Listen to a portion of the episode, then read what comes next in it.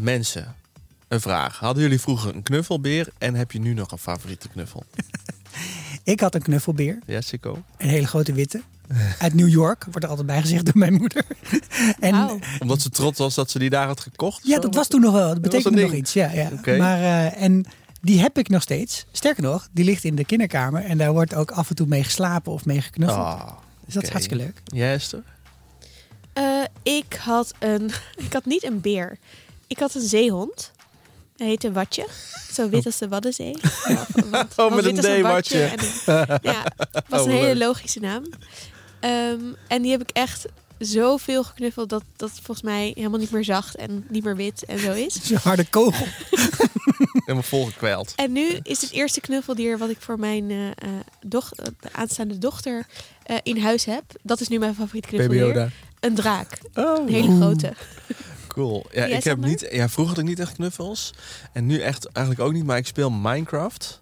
En daarin heb ik lama's die ik op mijn slaapkamer heb lopen. En daar ben ik heel trots op. en overigens Minecraft, ik ga binnenkort op Vriend van de Show dat allemaal laten zien. Maar ik ben bezig met het bouwen van een Dead Star in Minecraft. Wauw. Dat is dat werk, denk ik. Next level. Zeker. Dit is de Vierkante Ogen Show, de popcultuur podcast van dag en nacht. En de afgelopen weken keken wij de oorspronkelijke trilogie van Star Wars. En vandaag nemen we u nog één keer mee naar een galaxy far, far away. En dat doen we vandaag met Chico, mijzelf, Sander en Esther. In 1983, toen ik min 3 was, komt de eerste trilogie in deze ruimtesaga tot een daverend eind. Met een tikkeltje omslachtig plan eh, bevrijden onze helden Han uit zijn bevroren toestand en Luke vliegt direct door naar Yoda om te horen wat hij als laatste test voor het Jedi-schap moet doorstaan. De, de confrontatie aangaan met zijn Vader. Die houdt, die houdt zich op in, hoe origineel, de tweede Death Star, waar ook Palpatine, de Emperor, een troon heeft laten installeren.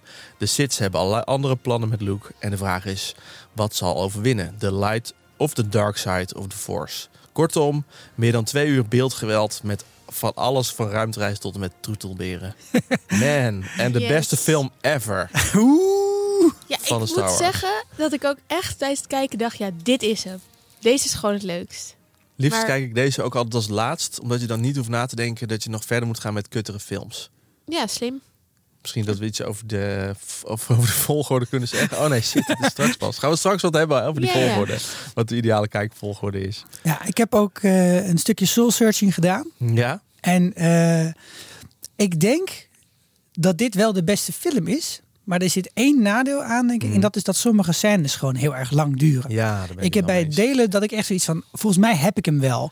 En eh, dat plan om eh, Luke vrij te krijgen, eh, of Han vrij te krijgen, is eigenlijk een beetje convoluted en lang. En die Ewoks zijn wel heel lang maken, aan, beur- aan de beurt. Dat ik denk, ja, maar had ook in één uur en drie kwartier gekund. Maar verder is dit misschien ook wel eigenlijk de, de meest vermakelijke film om te kijken. En voor we die film induiken, ben ik benieuwd. Wat is dan jullie favoriete Star Wars trope? En daarmee bedoelen we typische dingen die in iedere film terugkomen. Zoals...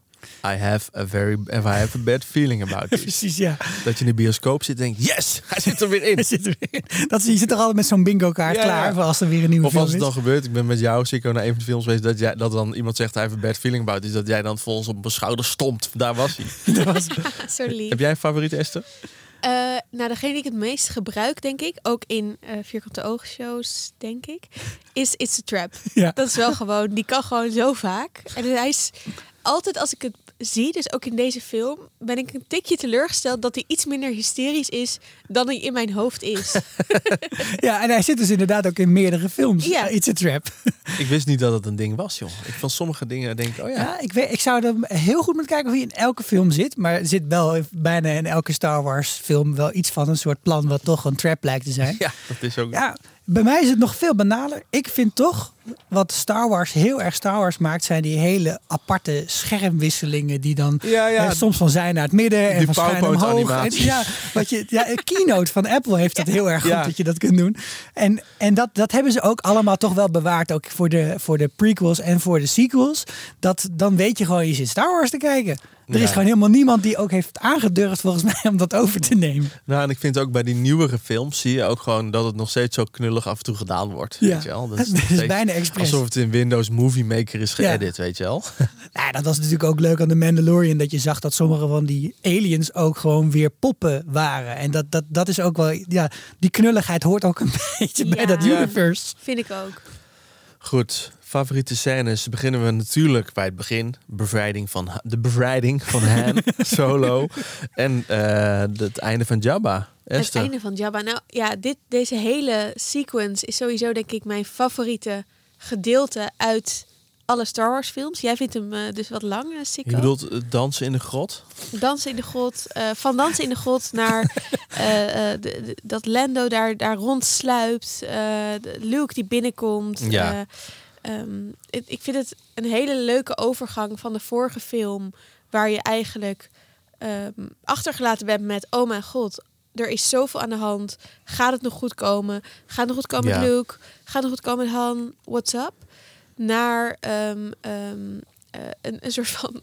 Ja, ik weet niet. Het, is nog steeds naargeestig, want Lea is, eh, moet in een bikini. eh, eh, Nou, eh, weet ik veel wat. minder dan een bikini zou ik willen zeggen. Ja. Ik weet wat ze aan heeft, een lap of Ja, zo. precies. Soort lapje. ziet er juist heel hard uit. Ja, Maar ja, er is wel hoop of zo. Je ziet wel Ja. dat ze zo infiltreren. Ehm, dit leek me trouwens ook een goed moment om het heel even te hebben over Oh ja. de beste volgorde om de films te kijken. Er is namelijk een. ehm, eh, volgens wie? volgens wie? Ja, nou, er is een theorie op internet die heel veel eh, tractie heeft, zou je kunnen zeggen. Of die veel mensen aanhangen. En die heet de Machete Order. Dat is namelijk een alternatieve volgorde. Je hebt, je hebt episodical order. Dat is dat je begint bij één. En dan Ja. naar twee, naar drie, naar vier, naar vijf, zes. Gewoon zeven, acht. chronologisch in de universe. Precies. Ja. Je hebt de, ehm, eh, hoe heet het ook weer? Ja, de, de order van uitkomst. Ja. Dat Ja. is het eigenlijk die wij nu doorlopen. Dus hè, we beginnen bij 4, 5, 6 en dan kan je naar 1, 2. Oh, ga je naar 1, 2, 3. Ehm, en ehm eh, Machete Order die zegt: je begint met 4 en 5. Dus je kijkt naar ehm, eh, Luke die eh, een, een, eh, zich ontwikkelt tot Jedi, maar dan op tijd of te vroeg stopt. Mhm. Ehm, eh, het gevecht aangaat met Darth, eh, maar, maar dat eigenlijk verliest. En oh nee, drama. Dan kijk je 2 en 3. Eén slaan we helemaal over, want er is niks aan informatie uit één die je moet hebben voor de De rest. film die niet genoemd mag worden. Precies. En er zijn mensen die zeggen, ja, deze film is echt te jammer voor, voor dit universe. Eh, en dan kijk je dus parallel aan, je hebt net ontdekt dat Darth Vader de vader is van Luke. En je kijkt parallel aan de ontwikkeling van Luke nu naar de ontwikkeling van Anakin. Tot Ah. zijn opleiding tot Jedi, hoe dat eindigt, hoe hij naar de dark side gaat. Ja? En dan kijk je zes. En ehm, als je Luke voor het eerst ziet in deze film, als hij aankomt bij Jabba, dan zie je hem in zo'n donkere mantel. Hij heeft opeens zwart aan. Hebben we hem nog helemaal niet in die kleur gezien. Ehm, en hij gaat ook meteen iemand force choken. Wow. Ik bedoel, hij komt binnen en hij gaat meteen een soort van... doet hij Darth Vader-achtige moves. Ja, gaat even Mm. Darth Vaderen. Ja. En we hebben net, als je net deze volgorde hebt gekeken, dan heb je net gezien dat Anakin eh, door een grote teleurstelling en een gevecht wat hij heeft verloren, weet ik veel wat, ehm, een soort van de, door de dark side wordt opgenomen. Ja. En de vraag die je dan kan hebben is: volgt Luke in zijn voetsporen? Is dit wel de Luke die we kennen uit de vorige film, of is dit toch een dark side Luke die misschien toch door Palpatine of door zijn boosheid of Mhm. whatever. Hm. Ehm, en dan heb- zit er dus een hele nieuwe spanning. Plus je hebt twee films gewacht op soort van de ontknoping van hoe gaat het met Je hem. hebt eerst twee Han. inferieure films moeten doorstaan. dat ook. Je kan dan ook eindigen. Want je, als, je moet gewoon stoppen met ja, zes op je hoogtepunt. Of Ietsje daarna misschien. Eh, dus dit is de Machete Order. En, En het eh, heet Machete? Ja, omdat volgens mij degene die bedacht heeft is een, een blog die machete bla bla bla. bla. Niet het zwaard. Nee, ja, die Dat blog is daar misschien naar Ik denk aan Danny Trejo op dat moment. geslashed. Ja, daar moet ik ook wel aan denken, ja. Ik, Ja. eh, jij maakt wel een referentie naar een van mijn favoriete stukjes uit die eh, scène in het, scènes in het begin. Omdat jullie hadden het in de aflevering over eh, episode 5 ook al over de groei van Luke. Dus dat je in het begin is hij een beetje een whining teenager, hebben wij het over gehad. Nou, dan zie je dat hij in de volgende film wel wat verder vol, volwassener is geworden. En hier vind ik gewoon hoe die daar geïntroduceerd wordt. Dus dat is allemaal heel losbandig, voor mijn gevoel. En dan komt hij daar aan in het zwart. eh, heel serieus. En je ziet echt, oké, hij, is, hij is nu af. Ja, Hij hij, is is, een echt Jedi. opgegroeid. Ja. En dat wordt best wel goed daarin neergezet, vind ik. Komt vind door zijn haar, vet. denk ik. En door zijn kapsel, ja. Ja, toch? Ja, zeker. Nou, Hij heeft en, opeens nou, een het is volwassen gewoon- look. Het Ja. is gewoon heel cool, behalve dat het niet doorgaat dat hij op een luik staat. Goed. Misschien had hij wel door. Misschien was het de bedoeling. Je had ook een favoriet moment in deze eh, aantal scènes. Ja, kijk, vorige keer al aangegeven hoe, hoe tof we het vonden dat die eh, in Carbonite werd ingevroren. En ehm, eh, onze Han. En ook hoe die vervoerd werd en dat soort zaken. En hij wordt hier opgesteld als een trofee in de zaal van Jabba. Dus echt als een soort gewei aan de muur hangt hij daar. en dan komt, eh, dan komt dus een rare snoet-alien, eh, waar eh, blijkt Leia te zijn, die, die gaat hem be- bevrijden. Ja. En die, die, die draait dan aan een paar knoppen en denkt dan, oh god, toch wel aan de goede knoppen draaien. Weet je wel, je kunt hem ook op verbranden zetten. en maar dan, dan, dan, dan komt hij eruit. En als je het, dat, vooral toen ik dat de eerste keer zag, was het eh, best, best mooi en ook spannend moment. Er zit hele coole geluidseffecten achter. Je ziet in, in dat, dat, zij, dat, dat zo openbreken op een hele aparte manier. En Ja. dan, eh, dan, dan pleurt hij eruit. En dan is hij blind. En dan is hij ook nog blind. Dus ze hebben ook, zeg maar, dit, dit is niet iets wat je zo without any consequence kunt doen of zo. En dit, deze hele scène hier heeft, dat maakt het toch wel weer een beetje science fiction-achtig voor mijn gevoel. Dat er toch wel over na was van, nou, dat kun je niet zomaar doen en zo. Er is wel een kost aan deze operatie. En vanaf daar is het het feit dat hij dus niet kan zien, is ook daarna nog een beetje een running gag. Of die, kun je, die wordt steeds gebruikt om weer nieuwe grapjes te maken. En hij valt dan Lea ook in de armen. En zo, ah, dankjewel. Want ja, ja, ik vraag me wel af hoe lang hij dan denkt dat hij erin heeft gezeten. Want misschien daar is, daar is verloren geweest. Dus misschien Ja. denkt hij wel van, hé, maar ik was net toch in Cloud City. Dat, Ja, daar weet heb je niet het zelf gegeven moment over als hij met Chewie in de cel zit. Dan zegt hij, huh? Luke, komt hij ons redden? What the fuck? Weet je wel? En dat hij dan Luke veel machtiger is dan hij zeg maar op het laatst had dus, Ja. eh, nog Ja, en dan de, echt wat ik heel flauw vind aan deze scène, is dat dan blijkbaar Jabba had bedacht dat dit ging gebeuren. De hele nacht dat op is gordijn. gebleven. En dan hij zegt, ja, Bip, hij mag nu open. En dan trekt hij het Ja. gordijn en zei, what the fuck. Ik vond dat heel chill. Ja, ik heb ervan genoten. En, en wat ik heel ook leuk vind in deze scènes is de hele opbouw die er eigenlijk in zit na die ontsnapping. eh, vanaf dat zandschip bij die, eh, de Sarlacc pit. Eh, want het begint al dat, eh, dat die twee droids daar aankomen. Ja. En dat ze dan dat Arthur Dieter dan zegt: Ja, wij eh, komen hier als geschenk van eh, Master Luke aan Jabba the Hutt. En dat, Art, dat C-3PO dan helemaal denkt: van the fuck, ik wil helemaal niet geschonken worden. nou, prima. Ja. Stuk, er zit nog een stukje droid marteling in. Dat vind ik ook echt. Dat- Ik vind dat heel erg leuk. Die, die grapjes die erin zitten, maar vooral Ja. die opbouw. En het is natuurlijk omdat die lightsaber daarin zit en dat Luke eigenlijk gevangen wil nomen, genomen wil worden Ja. Waarschijnlijk. Ja. En dan die vechtscène bij die boot. Ja, ik vind het wel. Ik vond het best wel een vermakelijke originele vechtscène. Het is fantastisch, jongens. Dit is echt Ja. heel leuk. Het is eigenlijk piraterij. Hè? Dus de piratenschepen met, eh, met loopplanken en eh, dat soort zaken. Mhm. Ook met een boordkanon. Ja, ja. En, dan, en de lightsaber natuurlijk. En dan Ja. gaat iedereen die Sarlacc in. Dat is Ja. een wezen. Hoe die in Boba Fett trouwens afgeslacht wordt met zo'n space mine. Dat, ik vind dat gewoon heel vet. En dan ontsnappen ze. Gaan ze allemaal naar de rebellen. Oh nee, toch niet. Nee, Want- maar ik wil ik nog Oh. één ding zeggen over die scène bij de Sarlacc pit. Want ehm, dat realiseerde ik me eigenlijk gisteren pas toen ik het weer keek. Die, er zit eigenlijk weer iets nieuws in die scène. Wat, eh, over wat Jedi kunnen. Want tot nu toe heeft Ja. Luke zijn zwaard steeds gebruikt om eh, blast zeg maar, te absorberen. Ja, En hier heeft hij blijkbaar de force ontwikkeld op een manier dat hij gericht ook die blast kan terugpassen naar mensen. hè? En dat doet hij in Dat deze scène voor het eerst. En dat is dus, dus je zit dat te kijken, ook voor het eerst denken, wow, wow, wow, hij, kan, hij kan nieuwe dingen. En dat is natuurlijk altijd leuk als Jedi nieuwe dingen kunnen. Dat je dat, Ja. dan ben je weer eventjes, en dat zit ook weer, dat, dat is dat universe building waar je dan toch van houdt. Dat ze zijn bezig om die Jedi weer, net elke keer krijg je een nieuw trucje, trucje natuurlijk. En denken jullie ook dat eh, ze dan he- soms heel langzaam daar langs varen omdat de Sarlacc pit? Oké. Ze ontsnappen. Sorry, ik kon niet laten. Ze ontsnappen. En eh, Luke gaat naar Dagobah. Ja, die moet er, moet er nog wat afmaken. geloof Take care business. Ja. Hij gaat naar Yoda, maar Yoda is stervende. Ja. ja, of zat hij te wachten tot hij kon sterven, totdat Luke was langs geweest? Hij moet wel zeggen, er is een other Skywalker als laatste Precies. woorden. Ja, en hij moet bevestigen dat Vader echt zijn vasser is. Ja. Dat moest ook gebeuren. Ja, ik zat me daar al af te vragen. Wat vonden jullie van de timing waarop Luke eigenlijk wordt medegedeeld van... hey, vriend, dit is je vader. Dus eigenlijk ontdekt hij het nu door, dat, eh, door de, de, de epische quote... die we vorige keer uitgebreid besproken hebben... dat eh Darth Vader tegen hem vertelt. Maar waarom, denk, denk je, heb, ja, waarom hebben ze hem niet zelf eerder verteld, denken jullie? Heb je daar Ja. gedacht over? Ik weet het niet zo goed. Ik vind het vrij gemeen eigenlijk. Ik vind dat ze gewoon hadden kunnen zeggen... Yo, Leij is je zus en eh Vader is je vader. Ja, En eh, ja, dus misschien wel chill om daar even goed over na te denken... voor je hem gaat bevechten, want dat is best wel heftige informatie. Dus ja, je moet je vader eigenlijk doden. Bla. Je, be- bereid die gast mentaal even voor. ja. Nou kijk, we hebben de vorige keer in eh, Empire Strikes Back natuurlijk het een en ander geleerd over wat het betekent om een Jedi te zijn. Maar ze hebben, nee, maar naast, naast zeg maar hun filosofie over de Force, hebben ze ook nog een filosofie over hoe je een Jedi bent. En die dingen zijn volgens mij niet helemaal hetzelfde. En Ja. ook niet heel erg goed met elkaar te rijmen op sommige punten. Dus hoe ik het altijd heb begrepen is dat de Force en dan de light side of the Force echt een liefdeskracht is. Hè, die mensen verbindt, die dingen verbindt.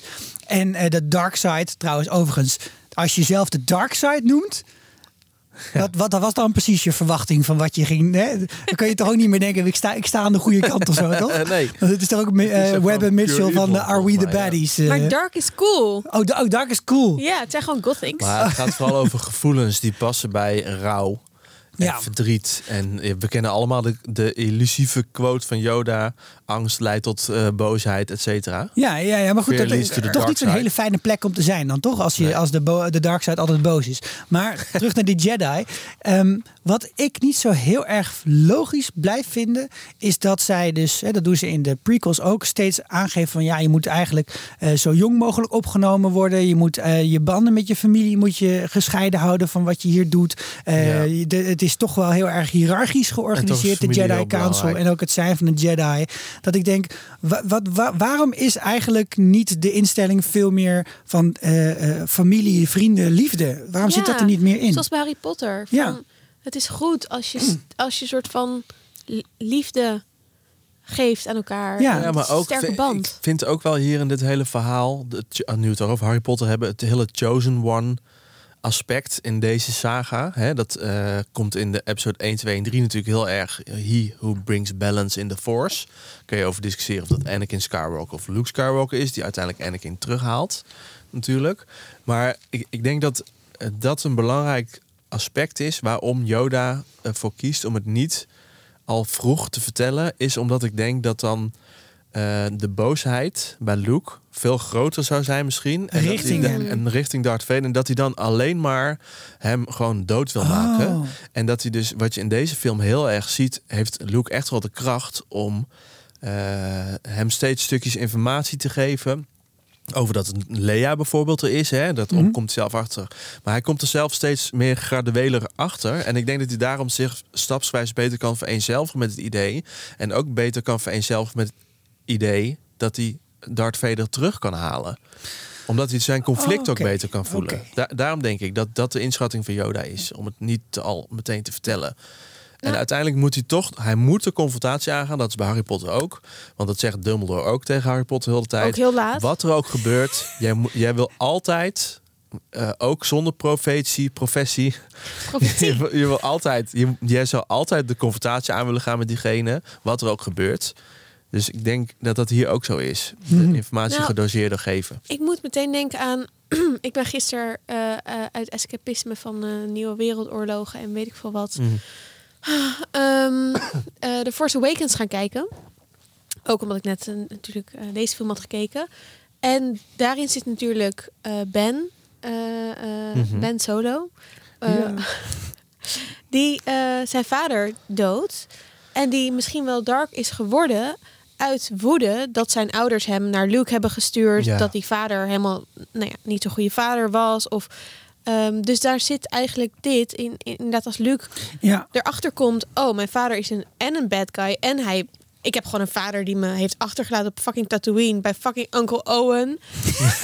Weet je hoe saai Uncle Owen is? Ja, dat, dat, dat soort van. Ik mag, ik mag niet eens vliegen van die gast. What the fuck? Ik wil gewoon naar de kroeg. Ja, en dan wordt hij ook boos op Yoda. Ik Van, wil naar hoezo, Tashi Station. ja, en hoezo heb jij me dit nooit verteld? Dan wordt hij ook boos op Obi-Wan Kenobi. Waarom heb jij me dit Ja. nooit verteld? Dus ja, dat vind ik wel een Ja. hele reasonable eh, theorie eigenlijk. Zo had ik het niet naar gekeken. Ik maar deze misschien en het kan ook bestaan naast mijn eigen vermoeden, namelijk dat eh, Yoda ook en, en Ben natuurlijk eh, eigenlijk ook willen checken.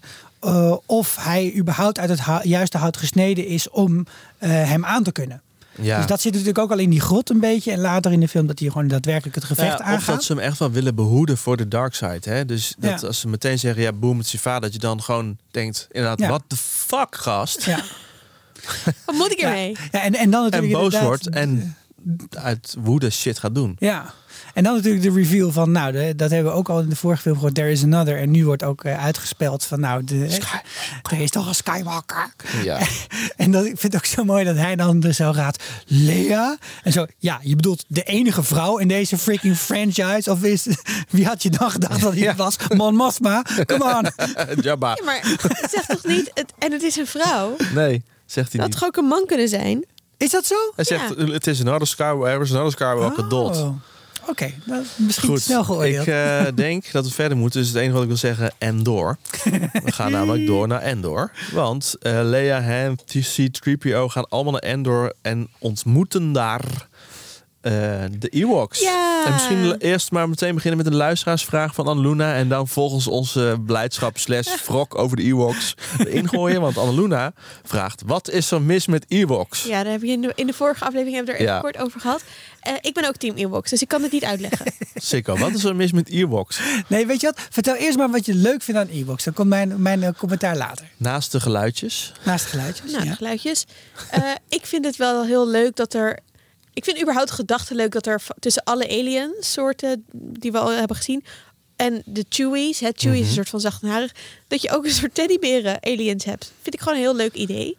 Ze zijn vrolijk. Ze zijn een beetje... eh, ze zijn vet fierce. Ik bedoel, ze, je geeft ze één duw en ze gaan met hun speer zo... En ze kunnen wat. Ik bedoel, ze hebben echt een, ze leveren echt een goede bijdrage aan het gevecht. Ja. Ja, ik vind ze gewoon leuk. Ik vind het principe dat als je een fantasy slash science fiction ma- maakt, ehm, en dan vooral als het science fiction achter is, dat je allerlei wezens maakt die echt heel erg alien-achtig zijn. Heel logische gedachten. Maar ik vind het ook wel logisch dat er ook meer dierlijke, zoals wij die zelf kennen, of menselijk, mensdieren zijn eh, ehm, die in zo'n universum leven. Dat vind ik best wel logisch dat dat Ja. zo is. Dus daarom vind ik het wel leuk dat ze er zijn, maar dat is niet per se omdat het Ewoks zijn, maar daarom vind ik het ook leuk dat het Tauntauns zijn en dat soort andere baft, banta's. Ja. Bafta. Nou, en dat ze dus een hele stad in de bomen hebben. Hè, die ze bij eh, Lord of the Rings wel een beetje af hebben gekeken. Tussen Lothlorien en dan het eh, vormgever waren. Dus Sikko, na al deze argumenten ben jij over, Ja. overgelopen naar ons kamp of niet? Nee, wat vertel is er mis mee? nee, is- niet helemaal. Kijk, kijk, George Lucas heeft een beetje een, een, een bad rap als het gaat om het vormge of weergeven van ja, wat je dan toch misschien een soort primitieve culturen moet noemen. Hè? Hmm. Want ze hebben speren met, eh, met een steentje erop en ze, hebben, ze zijn super bijgelovig, Ja. de Ewoks. Want eh, C-3PO is glimmend en van goud en dus is hij direct Hij hun spreekt god. een taal. Er zit niet, hij heeft volgens mij nog niet eens iets gezegd. Hij staat alleen maar op uit een bosje en hij is al hun god. En daarna eh, krijgen we zo'n dat, dat ze in dat bijgeloof dan ook eh, kunnen worden eh, om een beetje voor de gek worden gehouden door Luke. En want Ja. eh, hij, hij kan zweven en nou, dan zal hij wel helemaal een god zijn die niet heel boos is. Ik vind die verhaallijn eigenlijk niet goed uitgewerkt. Want ik vind dat die Ewoks veel te snel van de ene naar de andere eh, kant toeschieten. Want op een gegeven moment zeggen ze tegen C-3PO... maakt niet uit, we gaan ze opeten. En dan zweeft hij een Ja. klein stukje. Maar wacht even, dat had je nodig als overtuiging. Je dacht net al dat hij een god was omdat hij van goud was. En er zit, zeg maar, dit, ik vind, ik vind vindt Ewoks om dezelfde reden niet zo leuk... als dat ik de Gungans niet zo leuk vind. Om namelijk daar gewoon, ze, er wordt een beetje gespeeld met van Ja. die, van die, van, ja, van die Alsof ze erg inferieure wezens ja, zijn. van die, van die Western colonialist tropes. Van, oh ja, en dan geef je ze kraaltjes en dan, dan zijn ze weer blij. Ik, dat, dat vind ik er gewoon... Dat, ik heb het gevoel van, zit mij hier niet zo mee lastig te vallen. Maar, ik vind het leuk dat je ze straks nodig hebt om al die ad-ad en de ATST's in dit geval dan kapot te maken. En dat ze een belangrijke rol spelen. Maar waarom zouden ze dan niet vanaf het begin af aan al iets meer... hè, van een, van een, van een, eh, waarom moeten we dan helemaal van de ene kant naar de andere kant van het spectrum Ja, met deze Ewoks? Dat Want vind ik gewoon op zich leuk. wel daarna best wel sterk neergezet. Omdat ze heel Ja. goed ja, helpen dan. Ja, maar zeker. Maar dan, waarom moet dat dan op deze manier? Waarom moet het dan alsof ze... En, en ze worden ook vaak kannibalen genoemd. Overigens niet het geval, want ze eten natuurlijk andere diersoorten op. Dus dat Mhm. zou hetzelfde zijn als je een hamburger eet dat je dan kannibaal genoemd wordt. Maar ik vind dat gewoon een, ik vind het een tikkeltje ouderwets allemaal. En ik, ik vroeg me Ja, bij dit stuk een beetje 83. af, tot in hoeverre is dit allemaal nodig? Dus ik ben niet iemand die boos is hierover omdat e-box knuffelberen zijn. Ga je gang. Ik vind het ook super interessant en leuk om te denken dat er andere eh, species zijn in de universe die inderdaad meer dierachtig Ja. zijn of op een andere plek in de ontwikkeling staan. Maar eigenlijk Maar zeg hier jij wordt zon- een beetje met dat soort tropes gespeeld. Ja, dus eigenlijk zeg jij zonder dat ze er waren, hadden ze ook gewoon die, eh, die mensen kunnen, hadden ze dat ook gewoon kunnen fixen zonder dit gekke Misschien wel. Of, of met ook weer de helft van de zendtijd. en meer gelijkwaardigheid. En, en een ander verhaal wat niet zo stereotyp eh, een boek uit de 1900 eh, had het ook gekund. Oké. Dat is mijn issue. Nou, top. Misschien nou, wel goed. Nu weet je het. Misschien wel goed om heel eventjes nog te noemen van hè, waarom zijn ze op Endor? Ja. Ehm, Ja. We hebben gezien dat er een soort tweede Death Star eigenlijk wordt gemaakt. Ja. Ehm, dus eh, de Rebellion die, die maakt een plan. Eh, we moeten dat ding weer uitschakelen. Er is een, ehm, eh, een soort force shield Ja. eh, eh, wat, wat dat ding Een beschermt. schild. Eh, een schild, inderdaad. Een, ener- Thanks. een energy shield. Energy shield. En die wordt gepowered vanaf de maan eh, Endor. Ja. En eh, Han die eh, eh, stelt, die werpt zich op als vrijwilliger Ja. om. eh, en Leia zegt natuurlijk, ik laat je niet leeg gaan. Ik ga mee. Oh. En Chewie gaat natuurlijk mee. En R2-D2 gaat mee. En 3PO gaat mee. En die gaan met elkaar. eh, en, en ze komen daar op die maan. En daar, daar is al een troep. Ja. Wat ik een beetje random vond. Oké, er zijn ook nog andere soldaten blijkbaar. Rebel soldaten. Ehm, eh, en die gaan met elkaar proberen dat ding te ontmantelen. En dat lijkt een heel makkelijk klusje. Ehm, ehm, maar Maar dat is het niet. Is, is toch wel iets ingewikkelder dan, dan ze hadden bedacht. ja, en Luke had niet mee moeten gaan. Of misschien toch wel. Of misschien toch niet. Ja. ehm, misschien wel, misschien niet. It is your destiny, Goeie- dus dat moet het wel, hè? Nou, ik denk het wel, want daar we hebben het natuurlijk. We gaan het zo meteen zeker hebben over het gesprek tussen Luke en Leia, wat op deze planeet plaatsvindt. Wat denk ik belangrijk is voor eh, de verdere ontwikkeling van hun relatie en ook voor de ontwikkeling tussen eh, Han en Leia. Ehm, maar misschien niet voordat ik, maar toch, we hebben het net al even gehad, maar ik vind dat C-3PO de Ewok-god wordt. Echt, ik moet daar gewoon steeds weer zo om lachen. En dat hij er eigenlijk een beetje ongemakkelijk over is. En dat hij dan, nou goed, ik vind dat gewoon, ik hou van eigenlijk de, eh Anluna zei het ook over de laatste, over de laatste film. De, zij zei, ja, ik ben blij met alle comic relief die erin zit. Want dat maakt het een, meer een familiefilm. Ja. En ik vind dat het heel leuk hoe ze die droids eigenlijk daarvoor inzetten in deze, Ja. in deze film. Nou, en dat natuurlijk ook knap bedacht dat C-3PO natuurlijk ook allerlei geluiden echt Ja. heel letterlijk kan nadoen. En dan eh, dat verhaal eigenlijk... Hij Dat zit jou Star Wars te vertellen natuurlijk. Dat is zo leuk, zo meta. Ja, Heerlijk, love nee, it. ik hou ervan. Maar misschien naar een belangrijker gesprek. Sikko. ja, want Luke die gaat toch ook het gesprek met Leia aan. Ja. En eh, is- in dit gesprek vertelt hij het er nou? Ja, hij vertelt het Ja. er wel, dat, eh, dat ze broer en zus zijn. Hij laat het er raden eigenlijk. Hij laat het een beetje zij- raden, Zij ja, weet het eigenlijk al. En eh, ja, hier, dit, dit is. Ik heb me altijd een beetje afgevraagd tot in hoeverre het nou nodig is dat Lea er ook is. Of dat er nog een force-sensitive persoon in deze films zit. Eh, misschien als een soort van manier om het vraagteken te houden van wie is dan straks de echte Jedi? Of, hè, en dat kun je natuurlijk ook überhaupt aan titel al zeggen. Is Darth Vader nou de last eh, Jedi? Of is Luke het? Of gaat Leia dat Ja, worden? De vraag is een beetje of George Lucas het heeft gemaakt met het idee dat eh, welke trilogieën er nog voor en na zouden komen. Ik weet niet hoe, welk, met welk idee. dat- Ja, dat, ik denk gaan wel we dat aan het hij einde eh, wel even ja, altijd wel een hebben. deurtje open wilde houden van eh Ja. wat kan er nog meer mee gebeuren. Want hij zat natuurlijk ook, eh, hij had natuurlijk al een vrij uitgebreid universe bedacht. En hier, zat, hier zat ook wel geld in. Dus ik denk, denk dat hij niet helemaal achterlijk was. Maar ehm, wat, wat ik, ik vind het tegelijkertijd leuk dat er dit concept wordt geïntroduceerd van hé, hey, maar je bent niet de enige. Maar het wordt in deze film eigenlijk verder niet heel erg gebruikt. En pas later in de, ja, degene, de eigenlijk acht, hè, episode 8, Ja, krijg je voor het eerst een hint van, oh wacht even, er zullen, er zullen meer mensen zijn die ge- gewoon zomaar een beetje force hebben, weet je wel.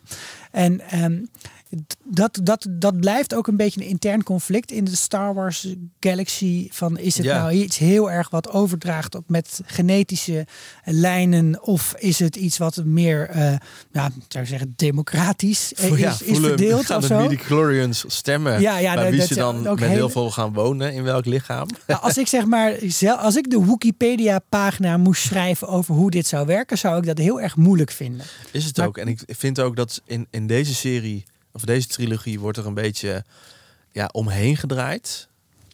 Maar bij 1, 2 en 3 wordt wel heel erg neergezet dat eh Jedi celibatair leven.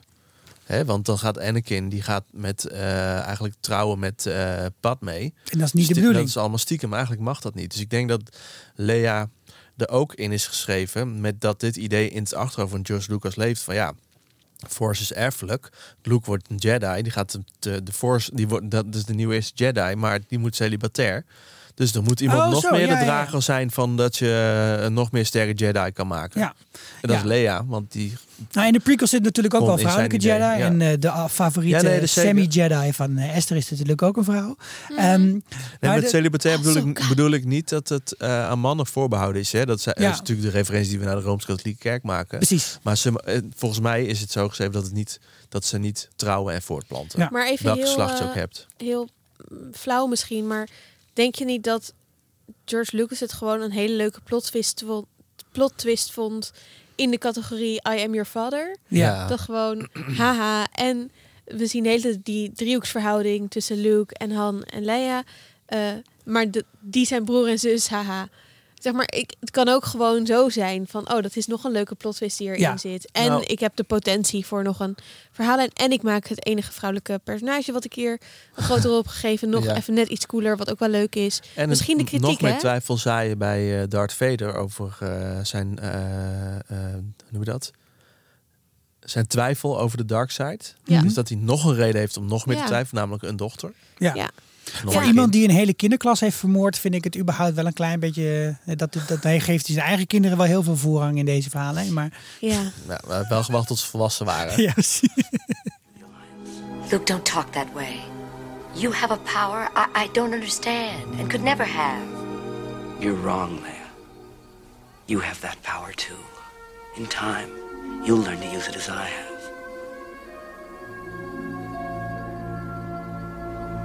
Force is strong in my family. My father has it. I have it. And my sister has it.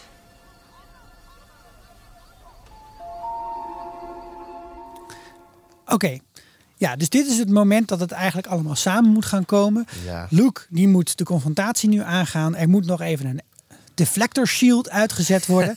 En Dat dat, moet dan precies op tijd gebeuren voordat de hele vloot van de rebellen precies op het juiste moment aankomt bij de tweede Death Star non-operational die daar in de Dus, lucht hangt boven Endor. Quote unquote. En, en we hebben iets hiervoor al gezien dat eh, de Emperor zijn, eh, heeft eh, opgedragen om de hele vloot van de Empire aan de andere kant van Endor eventjes eh, tijdelijk te parkeren. Zo van, zet me even uit het zicht. Ik blijf dat heel erg leuk vinden trouwens, dat ze daar niet een radartje voor hebben, maar dat even terzijde. Zeker Ja. niet als je met Je, je wacht op de carpoolplaats, jongens. Ongelooflijk. Ja, dus we hebben het plan hiervoor natuurlijk al gezien wat er ongeveer moet gaan gebeuren. En mijn favoriete moment, of eigenlijk, ja, dat is een soort sequence van events waarin één iemand een grote rol speelt, namelijk Admiral Akbar. Dat is die viskop, hè? precies, admira- admiraal, want hij bestuurt een schip. En ja, eh, En hij is de Akbar, baas over de vloot. Dan ben je admiraal, toch? zeker. En wat, sorry, maar wat ik echt weer dan een beetje een slip of the imagination vind, dat ik denk, come on mensen, is dat je een halve octopus in een pak hangt en dat je dan zegt, oh ja, zijn soortnaam, nee, de, die soort heet calamari. Ja, dat is wel jammer. Dat gaat echt ver, toch? Ja. ja. ja. Maar Ja. goed, hij, hij, komt dus aan En, dat met, die... en, en zijn schip is ook niet zo logisch ingedeeld. Want hij heeft ogen aan de zijkant, maar het raam zit aan de voorkant. dus, goed. Maar Ja. misschien kan hij heel erg, eh, heeft hij een hele nou ja, hij heeft een stoel die dus helemaal heen en weer kan bewegen. Hij moet heel, heel snel draaien. dat ja, hij precies. Hij, 360 hij moet kijken. draaiende blijven waarschijnlijk. Anders kan hij het niet zien, net als bij T-Rexen. Maar dit, dit hebben ze ook gebruikt in Rogue One. Hè. Daar, zit, daar heb je ook een calamari-admiraal die erboven Mhm. hangt. En die heeft ook precies zo'n stoel die de hele tijd aan het bewegen is. Dat vind ik echt super mooi vormgeven. Maar zij komen aan bij Endor in de veronderstelling. We gaan nu gewoon eventjes die Death Star kapot maken. Want de deflector shield staat uit en ze zijn hier niet. En dan... It's a trap! Ja, dit is dus mijn vijf Zit Esther te juichen in de bioscoop. Ja. Yes! Maar ja, hiervan heb ik hem dus in mijn hoofd is hij veel hysterischer dan hoe hij het zegt. In mijn hoofd meer, it's a trap! Maar dat is het dus niet per se. Nee, het is meer een constatering. Ja, oh, it's a Oh. trap. Ik moet er bij dit stukje altijd denken dat een groepje kabeljauwen een fuik inzwemt. En dat ze dan tegen elkaar zeggen, it's a trap. Omdat het Akbar zegt. Alleen, Waar alleen overigens ook Ja. steeds aan, eh, Sorry. nu als ik deze film kijk, als dan eh Palpatine iets zegt van... eh eh, the system will be quite operational when they, when they attack of zo. Ja. Eh, de Family Guy heeft een hele leuke. Ik zal Ja. het ook in de show notes Oh, ja. zetten. Eh, die, die gaat eigenlijk al die films pe- persifleren. En dan is Stewie is dan volgens mij Palpatine of Darth Vader. Haha. en die zegt dan ook iets van... Nou wacht, ik zet hem er even in. Oh, I'm afraid the shield generator will be quite operational when your friends arrive. Jeez, you don't have to be a dick about it. Ja, nou ja, ik, deze, dit vind ik de leukste quote, denk ik. Ja, uit die. Family Guy. Ja. Heet, die, heet die aflevering niet ook gewoon Something Something Dark Side? Of zoiets. Ja, volgens mij wel. Ja, nou, als je de Robot Chicken filmpjes van de vorige, Leuk vond. vorige keer tips leuk vond, dan moet je Ja. dit Ook af- zeker kijken. Oh man. Ja, en eh, dit is niet echt een favoriete scène wat nu komt. Want het is eigenlijk met, met eh, eh, dat wat we nu, wat Sikko net beschreef, luiden we de laatste 40 minuten van de film in. Ja, er wordt er nog wel vrij veel gevochten. Eigenlijk eh, drie dingen steeds naast elkaar gebeuren. Namelijk en dat wat die maan gebeurt op Endor. Ja. En dat wat in eh, de ruimte gebeurt, na- namelijk het luchtgevecht. En dat wat in de throne room bij, eh, de, bij de Emperor gebeurt. Ja. Tussen Luke, Darth Vader en de Emperor. En ik vind dat die 40 minuten, hoe ze dat gemaakt hebben. Eh, dan denk je, oh, nou, het voelt als vijf minuten. Maar hoe, hoe ze dat gemaakt hebben, hoe die spanning daarin op wordt gebouwd. eh, vind ik gewoon super vet. En daarom vind ik dit, denk ik, de beste 40 minuten van niet alleen deze film, maar van alle films van Star Wars ever. Ik vind dat zo goed gedaan. Ja. Iedere keer. Het is heel spannend. En dat het iedere keer zo logisch bij Luke eh, eh, eh, die woede opbouwt. En dat Palpatine een beetje zit, te- zit te te teasen, weet je wel. Ja, ik voel het, pak het zwaard maar, maak me maar dood. Weet je wel, ik vind het gewoon, dit vind ik gewoon super vet. ja. Jullie daar nog meningen over, over deze Nou, dat- laatste 40 minuten van deze film? Misschien dat het zo is dat in deze derde film van de originele trilogie eigenlijk de, de goede delen en de goede dingen uit de, uit die eerdere twee films zijn samengekomen in inderdaad in deze drie kwartier van typisch seminal Star Wars storytelling. En ik zie dat je ziet dus Ja. daarna ook eigenlijk elke keer in alle Star Wars films in ieder geval aspecten uit deze drie kwartier terugkomen. Ja, Mm, ja. Hè, van de, en die release your hate. En je wil. En dan Snoke heeft natuurlijk ook dat, ze dat zwaard naast hem liggen. Dat wordt, gaat dan net weer een beetje anders met Mm. Ja. Ray en, eh, en Kylo Ren. Maar ja, heeft heel erg veel hiervan weg. Ja. Eh, er worden allerlei dingen geïntroduceerd. Zoals die bodyguards met dat, met dat rode pak. Die je ook Ja. steeds weer terugziet. En Ja. het, dit, dit is denk ik. Ja, dit is spannend. Ik neem ook aan dat George Lucas zijn, zijn vrouw eh, weer in de ring is gekomen. Om hier de edit van te doen. Want dat had hij Ah, nooit die zelf waren kunnen doen. uit elkaar. Die waren die toen uit elkaar? Maar dit, Oh. eh, dit edit team heeft hier weer, ja, zoals dat maakt die films dark side. Of, Ja. Volgens mij was hij iets, Ze wat bij Star Trek gaan werken. Ja, maar deze arme man was echt totaal overwerkt in die, tijdens die tweede Ja. film. Ja. Omdat hij eigenlijk, hij, hij moest alles overzien. En in die eerste film was het nog gewoon heel lineair. Van we gaan alles stukje voor stukje filmen. Maar bij die tweede film hadden ze verschillende sets, verschillende mensen tegelijk eh, die dingen aan het opnemen waren. En hij wilde overal bovenop zitten.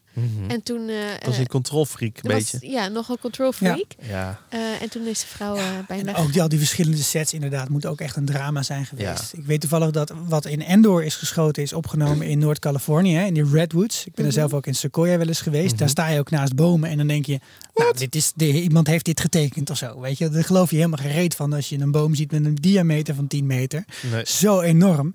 En natuurlijk ook die Rebel Base in de eerste film. In die Maya-tempels op Tikal is het volgens mij opgenomen. En die, eh, de Tatooine. Het, eigenlijk, dat weet je ook wel. Ik, ik ken wel mensen die dat hebben gedaan. Als je gewoon een wereldreis maakt naar Star Wars locaties, nou dan heb je een hele leuke tijd. Ja. Dat maar dat mo- hadden ze, moesten ze wel allemaal maar een beetje zien te cheffen om Mhm. eh, alles bij elkaar te houden en al die grote sets te bouwen. Je moet, moet, eh, het is niet alsof het allemaal in Nieuw-Zeeland is. Ja. Nee, dat is lekker makkelijk. Peter Jackson had het makkelijk. Veel makkelijker. Nee, ja. Maar eh, ik, vind, ja, ik vind dit ook super vette scènes.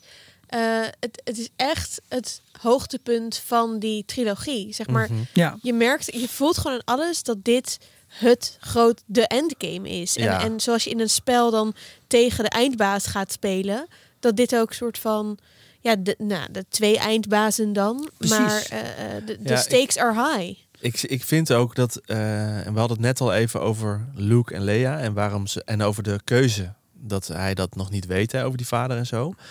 En ik denk dat het hoogtepunt van wat Luke kan om Vader te eh, doen twijfelen over de, welke kant hij eigenlijk kiest, of Anakin moet doen twijfelen eh, welke kant hij kiest, is daar bereiken ze hier het hoogtepunt van. En daar wil ik eigenlijk een stukje van beluisteren.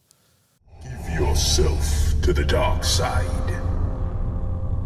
It is the only way you can save your friends. Yes, your thoughts betray you. Your feelings for them are strong, especially for sister. So, you have a twin sister. Your feelings have now betrayed her too. Ja, en wa- en wat ik hier gewoon vet aan vind, is dat eh, Darth Vader eigenlijk voor de gek gehouden wordt hier. Want het is, wordt een beetje neergezet alsof Luke per ongeluk aan ze denkt en daardoor verraadt dat hij een zus heeft. Maar ik denk dus dat het juist de kracht van Luke is dat hij dat hier bewust doet en daardoor weer een steekje geeft richting de twijfel van Darth Vader.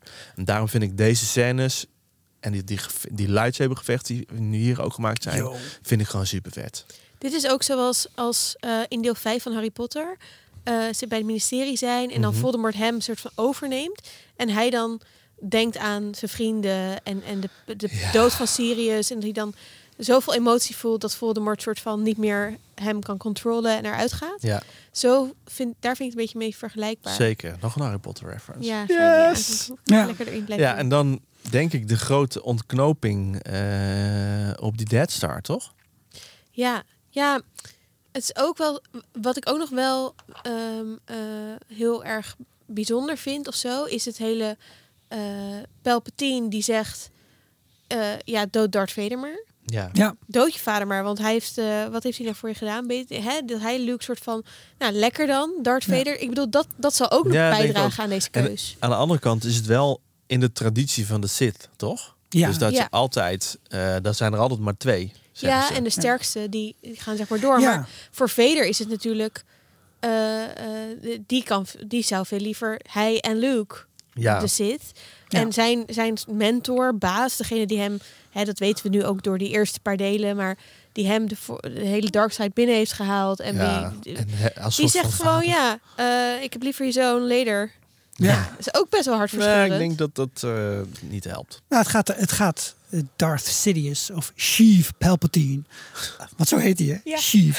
Eh, De voornaam? ja, het, het, draait hem alleen maar om kracht. Force in dit geval. Ja. Maar force in dus de brute en de militaire zin. Mhm. Dat is natuurlijk ook een beetje wat hierin zit. Hè? Dus dat, dat inderdaad wat jij net zegt over Voldemort. Dat, eh, dat, dat bad guys zien dus liefde of eigenlijk verbinding met anderen Niet. als afhankelijkheid. En afhankelijkheid is niet nuttig, want dat komt niet van pas in een oorlog. Nee. En eh, ja, dus als jij letterlijk je eigen vader vermoordt, dan is die afhankelijkheid, die is dan vanaf dat moment wel echt Ja, weg. en- En je ziet dat dat echt bijna zover is, hè? Want hij staat me een partij op Darth Vader in te beuken totdat hij zijn hand eraf hakt. Ja. Maar als je dat kopje even stilzet, zo, eh, hè, want dat is Esther altijd even van de halve snelheid, dan eh, die, die, die kijkt niet vrolijk, zeg maar. Nee, en dat stuk vind ik ook... Want wat jij net zegt hè, over dat de dark side de kracht van liefde altijd onderschat... en de kracht van familiebanden altijd onder- onderschat... is ook precies... Want ik heb heel lang gedacht... hoezo voelt Palpatine niet dat Darth Vader, Darth Vader daar eh, draait? Ja, Want hij maakt die draai en hij maakt Darth Vader... of hij maakt de keizer dood. Die flikkert hij daar in de Ja. afgrond in. Maar ik dacht eerst, maar hoezo voelt hij dat niet? Hij is een fucking macht- machtige Dart Lord of Dar- eh, een eh Sith Lord. Ja. Dart Lord. Dat is een Raymond van. Barneveld. Sorry. Eh, hij is een fucking machtige Sith Lord en hij voelt dat niet. En dit is gewoon omdat hij dat niet snapt. Nee. Ja, eens. Ja, en eh, we gaan het zo nog wel een beetje hebben over het curatorschap van George Lucas. Maar een van de dingen Ja. die je dus waarschijnlijk, eh, als je niet zo oud bent als wij, hebt gezien, is dat hij in die scène eh, ziet dat zijn zoon geëlectrocuteerd wordt. Ja. Met Sith Power Force, Electric Lightning Blast. En dat hij zegt dan no, no! Later dat heeft nooit in de originele film gezeten. Dus ik vind eigenlijk je punt heel goed wat je maakt, Sander. Dat je zegt, nou, hij kan dat gewoon niet voelen. En eh, wat je, hij staat wel te kijken. hè. Je ziet hem eh, heen en Ja, weer bewegen met zijn wel. hoofd. Maar eh, nee, Darth Vader kijkt, hem, eh, kijkt naar Sidious eh, een paar keer van, wat de fuck is hier aan de hand? Maar eh, ik vind juist het idee dat je dan no, no, no er doorheen gaat doen. Zo van, dan wordt deze vraag alleen maar nog relevanter, zeg Ja. maar. Ja, ja. Ik, ik, dat begrijp ik ook. Dat Stomme is edit. een andere twijfel over dit natuurlijk. Ja, ik wilde ook nog wel heel even stilstaan bij dat. ehm, Oké, eh, de Palpatine eh, eh, sterft en, en Luke is. Or oh, oh, papa. Eh or did he? ja, Ehm, maar Eh, eh, ander spoiler. verhaal. Ehm, andere trilogie. ja, andere trilogie. Ehm, maar Vader is eigenlijk al heel erg eh, naar de kloten. En Ja. eh, dan doet hij wel Die is zijn nogal helm geschokt af. door dit Ja. alles. Ja. Eh, en dan zie je dat hele enge hoofd. Sorry, maar dit was zeker, zeg maar... Ik, had, ik was dit met mijn vriend aan het kijken. Die zei dat hij het vroeger zo eng vond als kind. Eh, en ik vind het nu nog naar om naar te kijken. Een soort Ja, van vooral het geluid, hè? Dat hij dat één keer die ademhaling stokt bij hem. Dat je Ja, een zo soort van het vacuüm is eh, verbroken of zo. Ja, ik kan het niet goed nadoen. En ook een Kijk andere stem. En eh, Ja. ja. nee, het is... eh, eh, Het was zo het mooi geweest als hij echt een hele andere stem had gehad. Ja. De hele dag. Hey Luke. Ja, oké. Dat hij Nee, tegenovergesteld van helium had in dat pak. Ja, precies. maar gelukkig zien we hem eh, wel jong en, en blakend. Nou. Eh, als er wordt gefeest in Endor. En we nog even die Force... De Force Spirits. Force Spirits zien. Ik vind het dus vet dat die edit gedaan is. Dat je Anakin, zeg Ja, dat je, dat je Christian Want wat ik eh, vet vind, hè, eh, gaan we weer naar Harry Potter. Dat Harry yes. Potter heeft dan eh, eh, een van de drie relieken van de dood, de, de steen van wederkeer. En daar wordt er heel erg beschreven in dat bos dat Sirius in die scène eigenlijk terugkomt als een jongere versie dan zichzelf. Hmm. En ik denk dat je daar eh, al in die situatie als, als persoon, Mhm. ook als Force Eh, zelf kunt kiezen in welke hoedanigheid je terug wil komen. En ik denk gewoon. dat- Force baby.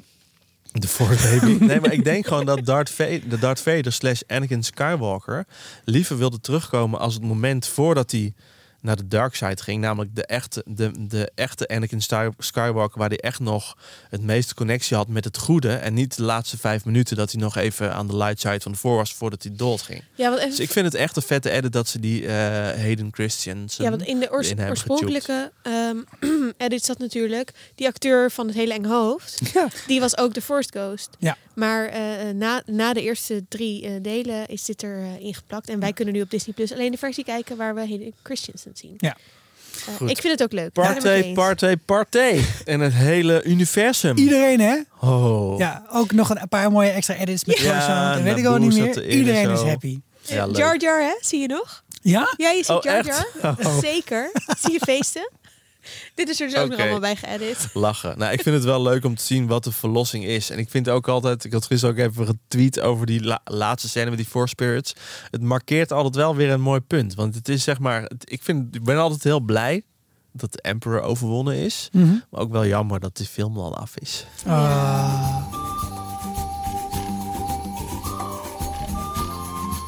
Maar misschien kunnen we dat goed maken door het over onze favoriete personages te hebben in deze film.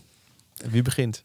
Nou, ik wil natuurlijk beginnen met Darth. Nee, ik heb toch weer iets anders gekozen. Eh, Deze film, of vooral omdat we het vorige keer eh, eventjes hebben gehad ook over Han, eh, heb ik hem deze keer extra goed bekeken.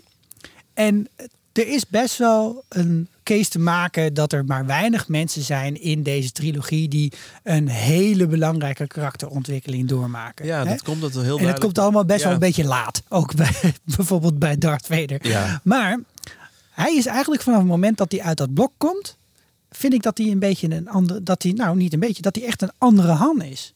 Hij is helemaal niet meer eh, zeg maar, zo, maso uh, zo masculien en zo. Uh, vooral zo te tegen vrouwen doet hij niet meer zo. Nee, dat klopt. Um, hij is niet meer zo boos de hele tijd. Hij want hij was de eerste twee films. kwetsbaarder op. Precies. Ik. Dat hij jaloers wordt, bijvoorbeeld. Nou, en, en wat dat betreft over dat, dat jaloezie, dat um, ja, natuurlijk is dat. Is, misschien ook wel een beetje begrijpelijk als je de context niet ziet dat hij daar jaloers is. Maar ja, juist later in de film doet hij iets wat echt niet hoort bij de oude Han. Dat je dan zegt van nou Lea, als jij en Luke, hè, als dat beter past, dan, dan I will take a step back. Nou, had, had de Han die Greedo als eerste doodschoot, had hij dat gedaan? Mm -hmm. Ik denk het niet. En er zijn ook gewoon van die, van die heerlijke momenten dat ik denk, ja, oh, deze, deze film moet ook wel een Han hebben om gewoon deze Ja. frivoliteit erin te houden. Even een voorbeeld.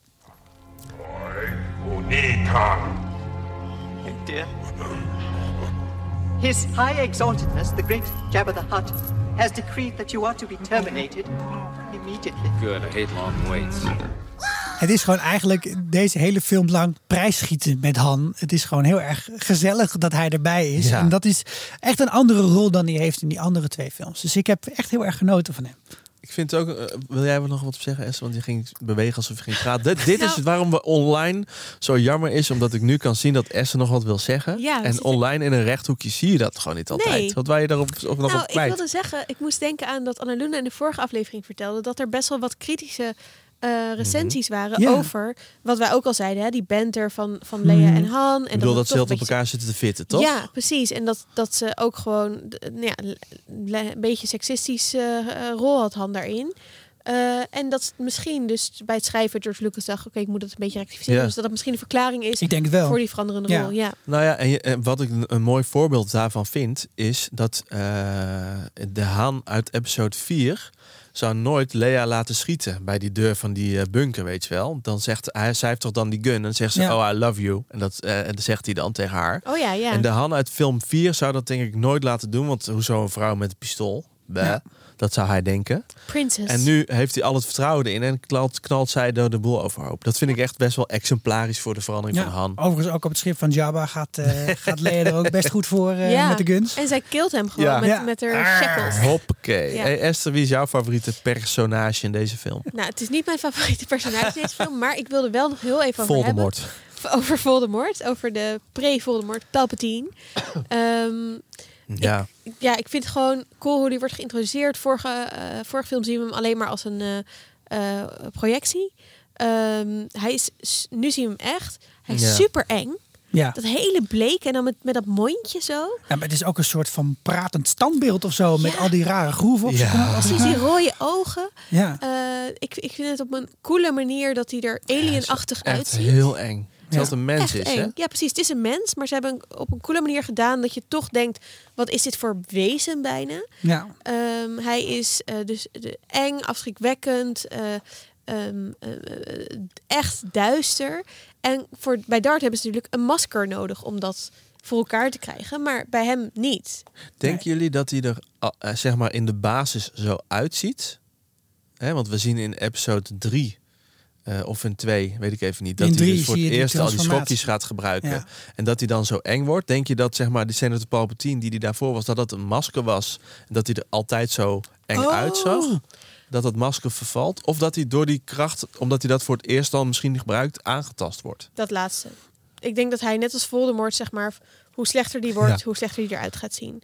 Ja. Net zoals, ja, eigenlijk Darth Vader ook een beetje heeft. Ja, precies. Dan, dan ben ik het ook al eens met jouw in- de interpretatie. De, er zit de, de, de, de vraag die jij gesteld, Sander, is van is hij in de kern in oorspronkelijkheid Ja, slecht? ja, En is dit hoe zo? slecht hij eruit ziet? Ja. Maar ik denk inderdaad meer zoals Esther zegt, hij, zijn uiterlijk is een reflectie in dit geval van hoe slecht hij is. Ja. Waar je overigens nog be- best wel een boom over op kunt zetten. Of dat nou iets is wat je ook een goede eh, trope vindt voor in een film. Ja. Maar ik denk dat dat het moet weergeven inderdaad. En deze, deze persoon gaat er gewoon al heel lang mee. En is ook al heel lang in een heel bad place. En dat moet dit volgens en mij dat voorstellen. zie je. En ik, wat ik ook heel vet vind hieraan. En ik- kijk, de eerste films, we hebben al een paar keer, of de eerste films, de fil- deel 1, 2 en 3, Ja. eh, zijn eh, niet zo episch als deze trilogie. We gaan het er nog wel heel eventjes over hebben. Maar ehm, ik vind het wel heel cool dat deze acteur ook Palpatine speelt in de, eh, deel, in de prequels. Ja. Ik was ook zelf, toen ik die keek, best wel verrast dat ik hem zeg maar zag en de connectie maakte en wow, cool. Eh, en daar, hij krijgt zo'n extra lading voor mij door die films, waarin hij dat hele slimme politieke heeft en dat, dat glijerige. En dan, dan zie je hem, je ziet hem eigenlijk ook steeds meer, je krijgt steeds meer glimpsen van hem als, Ja. een, als een dark eh, side figuur. Ehm, dat ik hem nu, als ik hem nu zie in, in, de, in deze trilogie, nog zoveel vetter vind dan zonder die, Ja. eh, de, de verhalen ervoor. En eigenlijk heb ik dat niet bij heel veel dingen. Nee. Dat ik denk, oh, die prequels hebben het echt vetter gemaakt. Maar hierbij heb ik het Ja, wel. Ik eens. vind hem echt Darth Sidious. Maar hij wordt ook al wel echt heel goed geïntroduceerd. Jawel. Dus met die hele grote hologram de eerste keer. En hier ook, ik vind de, dus als Darth Vader aankomt, helemaal in het begin van de film, hè, als we dus eh, Death Star 2 zien eh, voor het eerst, dan, dan staan er gewoon. Er staat er een, een, groepje Een mannen op hem te wachten, een bataljonnetje, weet je wel. Maar als de Emperor komt, Iedereen dan hebben ze gewoon die hele hangar volgezet. Ja. Ze hebben echt zo van gezegd, eh, Ja. oké, jij, oh, ook de mensen van de plantsoenendienst, Ja, die trek maar moeten, een pak aan. doe ook even zo'n, ja, ook staan. Stormtrooper pak en, aan nu. was even je stormtrooper pak af. Precies, precies. Maar met zoveel, dat zijn echt heel veel mensen die daar Ja, staan. eens. En eh, het grappige eraan is, ze zijn niet echt. Het zijn poppen. Het zijn, Net het zoals is, bij Barney het is Stinson in geschilderd zijn kamer. op glas. Oh, vet. En dat is voor de camera gezet. Dus een Cool. paar zijn echt en de rest is opgeschilderd. Geweldig. En dat vind ik echt een super knap Leuk bedacht. detail. En ook het, de- eh, ook het detail dat hij dus, hij is een keizer, dus hij heeft ook een troon. Ik hoop dat hij ook in jouw Minecraft Death Star komt. Maar Mhm. hij zit daar ook zo super lazily. En zo, Hij zit heel erg relaxed, weet je, wel, op die stoel. Hij hangt er een beetje op. Ja, en weet je wat ik, en, en heel de tijd, zijn moordwapen is heel de tijd in beeld. En dan vooral als hij die trap afloopt, dat die handen zo extra uitvergroot uit het ding hangen. Ja. En heel tijd zie je ook die lelijke verrimpelde handen van hem. Ja, en hij heeft ook een wandelstok. Dat is mij nog nooit eerder opgevallen. Oh. Maar hij heeft een wandelstok als hij aankomt op de Death Star. Oh, dat is echt zo, ja. Ja. Cool, oké, je moet nog een keer kijken. Oké, mijn favoriete personage is, Is het eindelijk tijd voor? Darth Vader. Nee, Oh, niet Darth Vader. Wat? Anakin Skywalker. Oh. Ja joh, nee, ik denk Anakin Skywalker slash Darth Vader is eh, in deze film vind ik, maar, vind ik de favoriete personage eh, en om de ontwikkeling die hij doormaakt, waar we het al bij een paar scènes over gehad hebben. Maar wat ik er vooral knap aan vind, is hoe ze dat hebben gedaan. Want het is iemand in een pak achter een masker. Ja, man. Dat is moeilijk acteren hoor, met een masker. Mhm. en het, ik bedoel, het is een gezamenlijke effort over drie films van James Earl Jones natuurlijk als stem. Ja, Eh, Sebastian Shaw, dat is het gezicht. dat is het gezicht wat je aan het einde ziet. En David Prowse is de bodybuilder die erin zit omdat Darth Vader 2,15 meter is of zo. maar zeg maar, de combinatie van die drie, op de een of andere manier hebben ze de twijfel. Want ik denk dat Darth Vader slash Anakin Skywalker in deze film wordt gekenmerkt door één ding. Twijfel. Mhm. Good side of the bad side. Ja. Wat ga ik doen? En ja, en in de stemacteur hebben ze dat af en toe echt een hele korte twijfeling ingebracht. En in hoe die staat of hoe die kijkt, hebben ze dat af en toe gedaan. Ik vind dat gewoon super knap gedaan. Omdat je echt, jij ziet hem twijfelen, terwijl dat niet Ja. kan met een masker. Nee, het zijn ook allemaal hele subtiele dingen. Dus de, Ja. de vorige keer nog vergeten te vermelden dat dat dan de eerste keer is in Empire Strikes Back dat je hem ziet terwijl hij voor het raam staat. En dan heeft hij die glimmende helm, Ja. waarop je dan de buitenwereld ook ziet weerkaatsen. Ze hadden oorspronkelijk een matte helm, maar zei nee, hij moet glimmen. Ja, hij want het blinken. werkt gewoon visueel veel beter. Maar ik had ook het gevoel dat, er zit hier ook zo'n shot in deze film. Maar dan kijkt hij bijvoorbeeld zelf alweer heel veel sneller weg. In plaats van dat hij gewoon heel rustig Mhm. Ja. eh, iets beziet. En hij heeft de hele tijd van dit soort kleine Ja. dingen dat hij Hesitation, even snel zijn hoofd even draait. of- eh, in het en- en- Nederlands? Dat Eh, ja, dat- dat hij twijfelt. Even- Ja, en terug, een beetje terughoudend is. het. En dat, dat is inderdaad wel heel knap door zo'n pak heen geacteerd. Ja, ik vind het echt vet gedaan. En daarom is Anakin Skywalker echt mijn favoriet in deze film. Ook omdat hij uiteindelijk dus wel, denk ik, dat hij de balance brengt in de Force. Hè? Dat Hmm, ja. wordt gezegd in 1, 2 en 3. He brings balance in the Force. Dat Ja. Anakin Skywalker dat is, omdat hij goed wordt. De, de Sith wordt verslagen. Maar Ik ja, vind didn't ook- die on screen. Dus ach. Ja. Ja. Eh, nee, ik ben er echt... eh, ik vind het zo vet gedaan. Maar even, Darth Vader. Ik bedoel, we hebben nu steeds de grap gemaakt dat we hem bij fa- favoriete personage dan niet hadden genoemd. Maar hij is wel gewoon het personage van deze films, toch? Ik Mhm. bedoel, Luke, ja, leuk. En, Nice en- try, boy. Nee, maar, Maar- Darth Vader staat op de broodrommeltjes en op de trui in de klas. Precies. Eh, Darth. Vader Ja? is Ja, gewoon de, is Star Wars. Ja. Ja, En hij is ook de lijn, in ieder geval door de prequels en, en, en eh, deze films die, die, Ja. die het allemaal verbindt. Ja. En, ja. Wij hebben thuis ook een eh, werkwoord, het werkwoord Darth Vederen. Dus ik, dan eh, ga ik even luisteren of Gijs lekker ligt te slapen. En dan zegt Saar, en slaapt hij? zeg ik, ja, hij ligt te Darth Vederen, want hij ademt heel zwaar in zijn slaap. Van wie zou je dat nou hebben? Oké, en we, hebben, we hebben nog een ander werkwoord voor ademhalings. eh, Dat is de Ron Brandstederen. de typische vorm voor lachen, die kan Gijs niet hoor.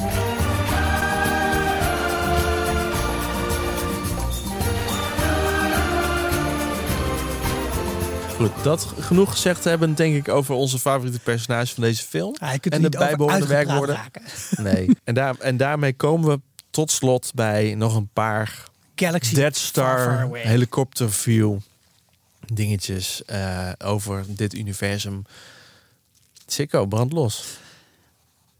Zoals aangekondigd wil ik het even hebben dan over al die edit-drang die George Lucas heeft gehad. Tot, totdat Disney het van hem af heeft gepakt voor eh luttele miljarden. Mhm. En eh, nou de, bedoel, de, de, de filmpjes, als je het een keer wilt checken, zijn natuurlijk gewoon eh, te, ten overvloede te beschikbaar op YouTube. Maar voor deze ah, heb ik ook weer specifiek even naar een paar dingen gekeken. Omdat ze mij in het kijken opvielen en ik mij afvroeg, ehm voegt dit nou wat toe? Ja of nee? Je bedoelt dat die shit verandert steeds. ja, dus we, we, kennen dat hij eh, dat hij echt een soort obsessiefelijk overal beestjes en, en, en ruimteschepen tussen zit te monteren. en eh, dat, dat is in sommige gevallen, als je een kudde banta's eh, erin monteert vlak voordat je dan die, die, die, die, die speeders boven het zand ziet. Ja, prima, weet je, Ja. doe, je, doe maar lekker. Maar bijvoorbeeld de Sarlacc pit, daar zit nu ook in de laatste varianten zo'n soort wormhap ding in. Maar die zat er nooit in. Het was gewoon echt Die een soort... tong of zo? Ja, dus dat had wel een tentakeltjes en het had ook die tanden. Maar dus in een, dat er in het midden nog een ding zat, wat, wat, wat dus ook steeds die poppetjes op komt vreten. Dat was in de oorspronkelijke variant niet. En ik denk bij een paar van dit soort veranderingen ook heel erg. Why? In godsnaam waarom? Nou ja, het is ook meer een pit als het niet een tong heeft. Ja, dat denk ik ook. Dus En, ja. helemaal niet. en, en zo heeft hij eh, maar bijvoorbeeld. beest zit in de pit, toch? Nee, want het zijn al tanden die erin zitten. Dus het is al een keel. Dus waarom moet er dan in de keel nog een worm zitten met een nieuwe mond? Dat Omdat is cool is. helemaal niet nodig, zeg maar. Nee, maar wat dat, Omdat George R. Om, ik wilde zeggen George R. Martin. Omdat Veranderde hij het cool maar wat aan zijn Ja. schrijftempo. Nee, maar kijk, ergens begrijp ik wel dat je bepaalde dingen wil doen om ervoor te zorgen dat de continuïteit toch nog een beetje klopt. Dus ze hebben uiteindelijk Sebastian Shaw zijn wenkbrauwen eraf geëdit. Omdat ja, Anakin is op Mustafar verbrand en de kans is vrij groot dat hij daarna geen wenkbrauwen meer had. Want die die oude ziet een hele dikke wenkbrauw. Je zegt, huh? Raar, maar dat soort dingen heb ik niet zo heel veel problemen mee. Het zit bij mij meer op dingen dat ik denk, zeg maar, het, het voegt helemaal geen reet toe dat ze diegene die dus zingen bij Jabba, hè, dan heb je dat hele stuk met zo'n uh, met zo'n eh, Oh ja, de- die zijn heel duidelijk erbij heel nieuw hè? Is er ingezet dat eh, die die Dat is wel jammer, ja. degene met het oogschaduw die met zo'n heel dun tuutje zingt Ja, eh, door de mond die is die zat er ook in maar die is helemaal ge-CGI'd. Ja. Er zijn gewoon echt dingen bij Ja, dat ik denk maakt het, het wordt er lelijker, langer hè? van het wordt er niet, niet wordt- interessanter van en het is ook 2011 CGI dus het is ook gewoon nog steeds een beetje lelijk. Wat ik wel chill vind is dat ze achteraf dingen hebben geremasterd. Dus ze hebben wel echt gezegd we gaan het scherper maken. We pakken de oorspronkelijke beelden erbij. Ja. Dus er zijn best wel veel shots die in deze film gewoon heel goed, in deze laatste varianten er heel goed uitzien. Omdat Ja. ze gewoon opgepoetst zijn. Nee, dat, Dat, dat vind ik echt nooit erg. heel goed. Dat zie je ook als je die oude films kijkt, denk je wel... Wow, dat zag er echt best wel Ja. slecht Jawel. flats uit. Nou, en met heel veel dingen kwamen ze weg, omdat het dus gewoon ook helemaal niet zo'n hoge resolutie had en zo. Hè? Dus, dus En dat het heel populair was. Maar toen hebben ze gedacht, ja, maar nu krijg een hogere resolutie, dus ga ik er CGI in zetten. Nee, dan is het gewoon weer nep. Dus het heeft helemaal Mm. geen zin. Dus ergens, Maar kijk, het is natuurlijk ook bedoeld voor de generatie die 1, 2 en 3 heeft gekeken. En dan doorgaat met 4. Dus die niet opgegroeid is met die oude films. ja, En als je gewend bent aan die slechte CGI, maar ook aan best wel smooth films en overal ruimteschepen, Mhm. dan is het gat, of was het gat tussen 3 en 4 wel echt heel groot. Ja. ja. En die remastering helpt, maar ik denk ook af en toe even zo'n CGI'd wezentje zien. Of dat je dan wel denkt, oh ja, kijk naar hetzelfde soort films in ieder geval. Ik ben het met je eens dat het te veel gedaan is en dat het er heel vaak echt een beetje slecht uitziet. Het mag wat mij betreft nog wel een, een edit ronde wat hebben. Een soort van haal dan Gewoon weer... helemaal opnieuw maken. Oh nee, please, please ze niet op ideeën. Maar ik denk wel dat dat ook wel een deel van de gedachte was. Van, hè, als we dit nu gaan aanbieden als een pakket, dan Ja. moet het wel meer in sync zijn met elkaar. Ben ik het wel mee eens. Ja? Met dit put. Ja, met dit put. Punt. Punt. Ja, en eh, we kregen, als we hier genoeg over gehad hebben, kijk even de tafel rond. Ja, Als we er genoeg over hadden. We kregen een eh, vraag van Theo via Twitter. Het vierkante SW. Vierkante ogen, zwe. Vierkante ogen. zwa. Van, ja, Van Swagger. omdat het show op was. Zo. Eh, Paste en die niet. zegt het volgende. Het was weer heel interessant en gezellig. Dankjewel Theo. Vonden wij ook. Eigenlijk vind ik dat jullie de andere zes films ook tussen aanhalingstekens even moeten doen. We denken erover na. Jullie gaan toch niet stoppen na drie en alle luisteraars reddeloos achterlaten? Nou ja, ja, ja, goed punt. Eh, ik- ja, ik kan me niet voorstellen dat we niet nog een keer teruggaan naar, naar deze de. Ik heb echt best wel zin eigenlijk om 1, 2 en 3 bijvoorbeeld met jullie te bespreken. Je bedoelt mijn favoriete Star Wars film episode. Ja, dat zei jij net Ja, eh, vorige nou. keer. Daar heb ik ook zitten schreeuwen op de fiets. Wat de fuck zeg je daar? Hier moeten we het toch uitgebreid over hebben. Plus, ik vind ook op, nou, één dan niet, maar twee en drie vind ik wel echt leuk ook. Jawel. Eh, en door Clone Wars te kijken heb ik nog wel wat meer gevoel er allemaal Ja. bij. Maar eh, het is niet dat we meteen doorgaan. Want er zijn nu een paar andere dingen die we graag willen doen. Maar ik kan me wel voorstellen dat als er weer even een tijdje een, een serie luwte komt, dat we deze er weer even bij pakken. Ik was ook nog wel heel even kort benieuwd of jullie, als we het toch over die andere delen hebben. ehm, ja, ik ben dus Force Awakens gaan kijken hierna. En eh, ik, had, ik heb wel af en toe een beetje moeite met de overgang van de verhaallijnen van de film en, en hoe, hoe logisch dat allemaal is. Ik vroeg me af of jullie het ook hebben. Van, voelt het als één geheel? 1 tot en met 9, zeg maar? Of is het wel echt drie blokjes van drie?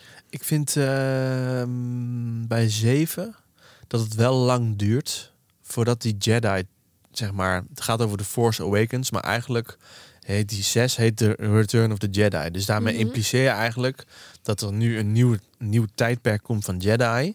En ik krijg het idee bij 7 dat ze daar eigenlijk nog niet zijn. Ja. Dus Nee. als je de Machete Order hebt, dan voel, is voor mijn gevoel eigenlijk 6 komt na 7, snap je? Qua, qua, nee, maar qua eh wederopstanding van de Jedi Order. Mhm. Ik heb bij The Force Awakens gewoon heel erg het, eh, het gevoel dat het hetzelfde probleem heeft als de Hobbit-films. Namelijk dat ze dachten: dit werkt, we maken gewoon exact hetzelfde, maar dan Ja, met nieuwe poppetjes. En dat maakt 7 voor mij gewoon op zich een vette film om te zien. De CGI daarin is gewoon heel erg goed. En Echt sommige dingen hebben ze erin gestopt die, die gewoon niet konden daarvoor. Ook niet in episode 1 eh, tot en met 3. Het, dus, dus het is heel erg appealing, zeg maar, als je ernaar zit te kijken. Maar Ja. als je zegt, eh, het is gewoon iemand op Tatooine die een soort force bij zichzelf voelt. En dan is er een Death Star die kapot moet. Toen dacht ik echt van, ja, maar gasten, dit Doe is gewoon... normaal, ja. Maar dat vind ik En- eigenlijk... En, en door, door, door acht, want daar hebben we ooit wel een vierkante oog zo Ja. over gemaakt, waar we toen heel enthousiast over waren. Maar in de broader scheme of things is gewoon. eh, is, is acht het beeld, of eigenlijk het, te- het toonbeeld van het feit dat ze met die laatste trilogie niet wisten wat ze voor verhaal wilden vertellen. Ja, ben ik het mee En, en daardoor voelt die, die ze- 7, 8, 9 als een soort ratje toe van crap. Die, die niet bij elkaar klopt. En dan vind ik eigenlijk 1 tot en met 3 nog veel een stuk congruenter en Nou ja, coherenter. 1, 2, eh, 1, 2, 3, eh 4, 5, 6 en dan echt de Clone Wars er ergens nog tussen. ja. Voelt best wel coherent. Ik vind 7 ook meer in aanmerking komen achteraf als een soort verhaal parallel aan episode 6. Die je achteraf zou maken als een soort Rogue, een soort Rogue One. eh, bedoel ik eh, trouwens met de film, Ja, net, ja, niet ja. Clone Wars. Eh, eh, dan dat als episode 7 de Force Awakens of zo. Snap Ja, ik bedoel? vind Rogue One heel geslaagd. ja, dit ik bedoel ik ook- net. Ik zei het verkeerd. Dus Ja. dat 1, 2, 3 Rogue, en Rogue 4, 5, One. 6 en Rogue One ergens ertussen. Eh, dat 1, veel, 2, 3, Rogue One, 4, Ja. 5, 6. Ja. precies. Dat vind ik veel congruenter verhaal bij elkaar horen. En dat 7, 8, Same. 9 past niet echt erbij. En 7, als je die dan toch een plek mocht geven, zou ik die eerder naast 6 zitten. Parallel aan 6. Dat lijkt me heel raar. Nee, maar, achteraf, zeg maar. Ja, oké, ja. en een ja. andere episode 7. Ja, oké, ja, fair Ja. enough. Ik snap hem. Oké, nou dat wilde ik weten. Leuk. ik ben het hiermee eens. Wat, eh, maar, hebben jullie daar nog andere inzichten over verder? Eh, daar moeten we denk ik gewoon een keer over verder praten. Door Ja. afleveringen Ah. over te maken. Ik zou eigenlijk nog wel nog het meest voelen voor een Rogue One aflevering. Dat ik dat gewoon een fucking leuke film vind. Ja, Maar- dat kunnen we die nog, eh, ooit nog wel beloven. Want Ja, we komen hier eigenlijk aan het eind van onze Star Wars maand. Want dit was voorloop, voorlopig, Theo en andere fans, voorlopig de laatste van onze Star Wars specials. Voor nu dus. Want er zijn, er zijn nog heel veel dingen uit het verleden die we kunnen bespreken. Maar ook nog superveel in de toekomst. Maar die laten we nu even liggen. Want volgende week op 8 maart, als ik het goed zeg, eh, krijgen wij een nieuwe streamingdienst erbij in Nederland. Eindelijk. My Komt God. HBO Max naar Nederland. Eh, en daar komt echt superveel content over. Hou onze socials daarover in de gaten. Want dat gaan we jullie, gaan we jullie wel echt wel over eh, updaten. En wij gaan de maand maart in het thema zetten van HBO Max. En daarvoor gaan we een aantal films en series die daarop staan, of opkomen, bespreken. The Matrix komt langs, Station 11, zoals Anneluna vorige week al zei. En natuurlijk... Game of Thrones. Ja. ja, we gaan een frisse en vuur. Misschien kunnen we Guido wel even inbellen vanuit Portugal. Lijkt me leuk. Nou, heel veel om over naar uit te kijken dus. En vanaf volgende week hoor je daar ons over in je podcastfeed. Wil je meedenken? Wil je bijdragen? Heb je tips? Heb je vragen? Kan je dat bij ons kwijt op www.vriendvandeshow.nl slash vierkante ogen. Of je kan natuurlijk eh, op Twitter of op Instagram We zitten op de ons daar een... eh, De Inst. ja, de- op de Insta's. Daar kan je ons vinden en ook nog wat leuks achterlaten. Maar tot nu, voor nu, dankjewel en tot de volgende. Doei. Doei!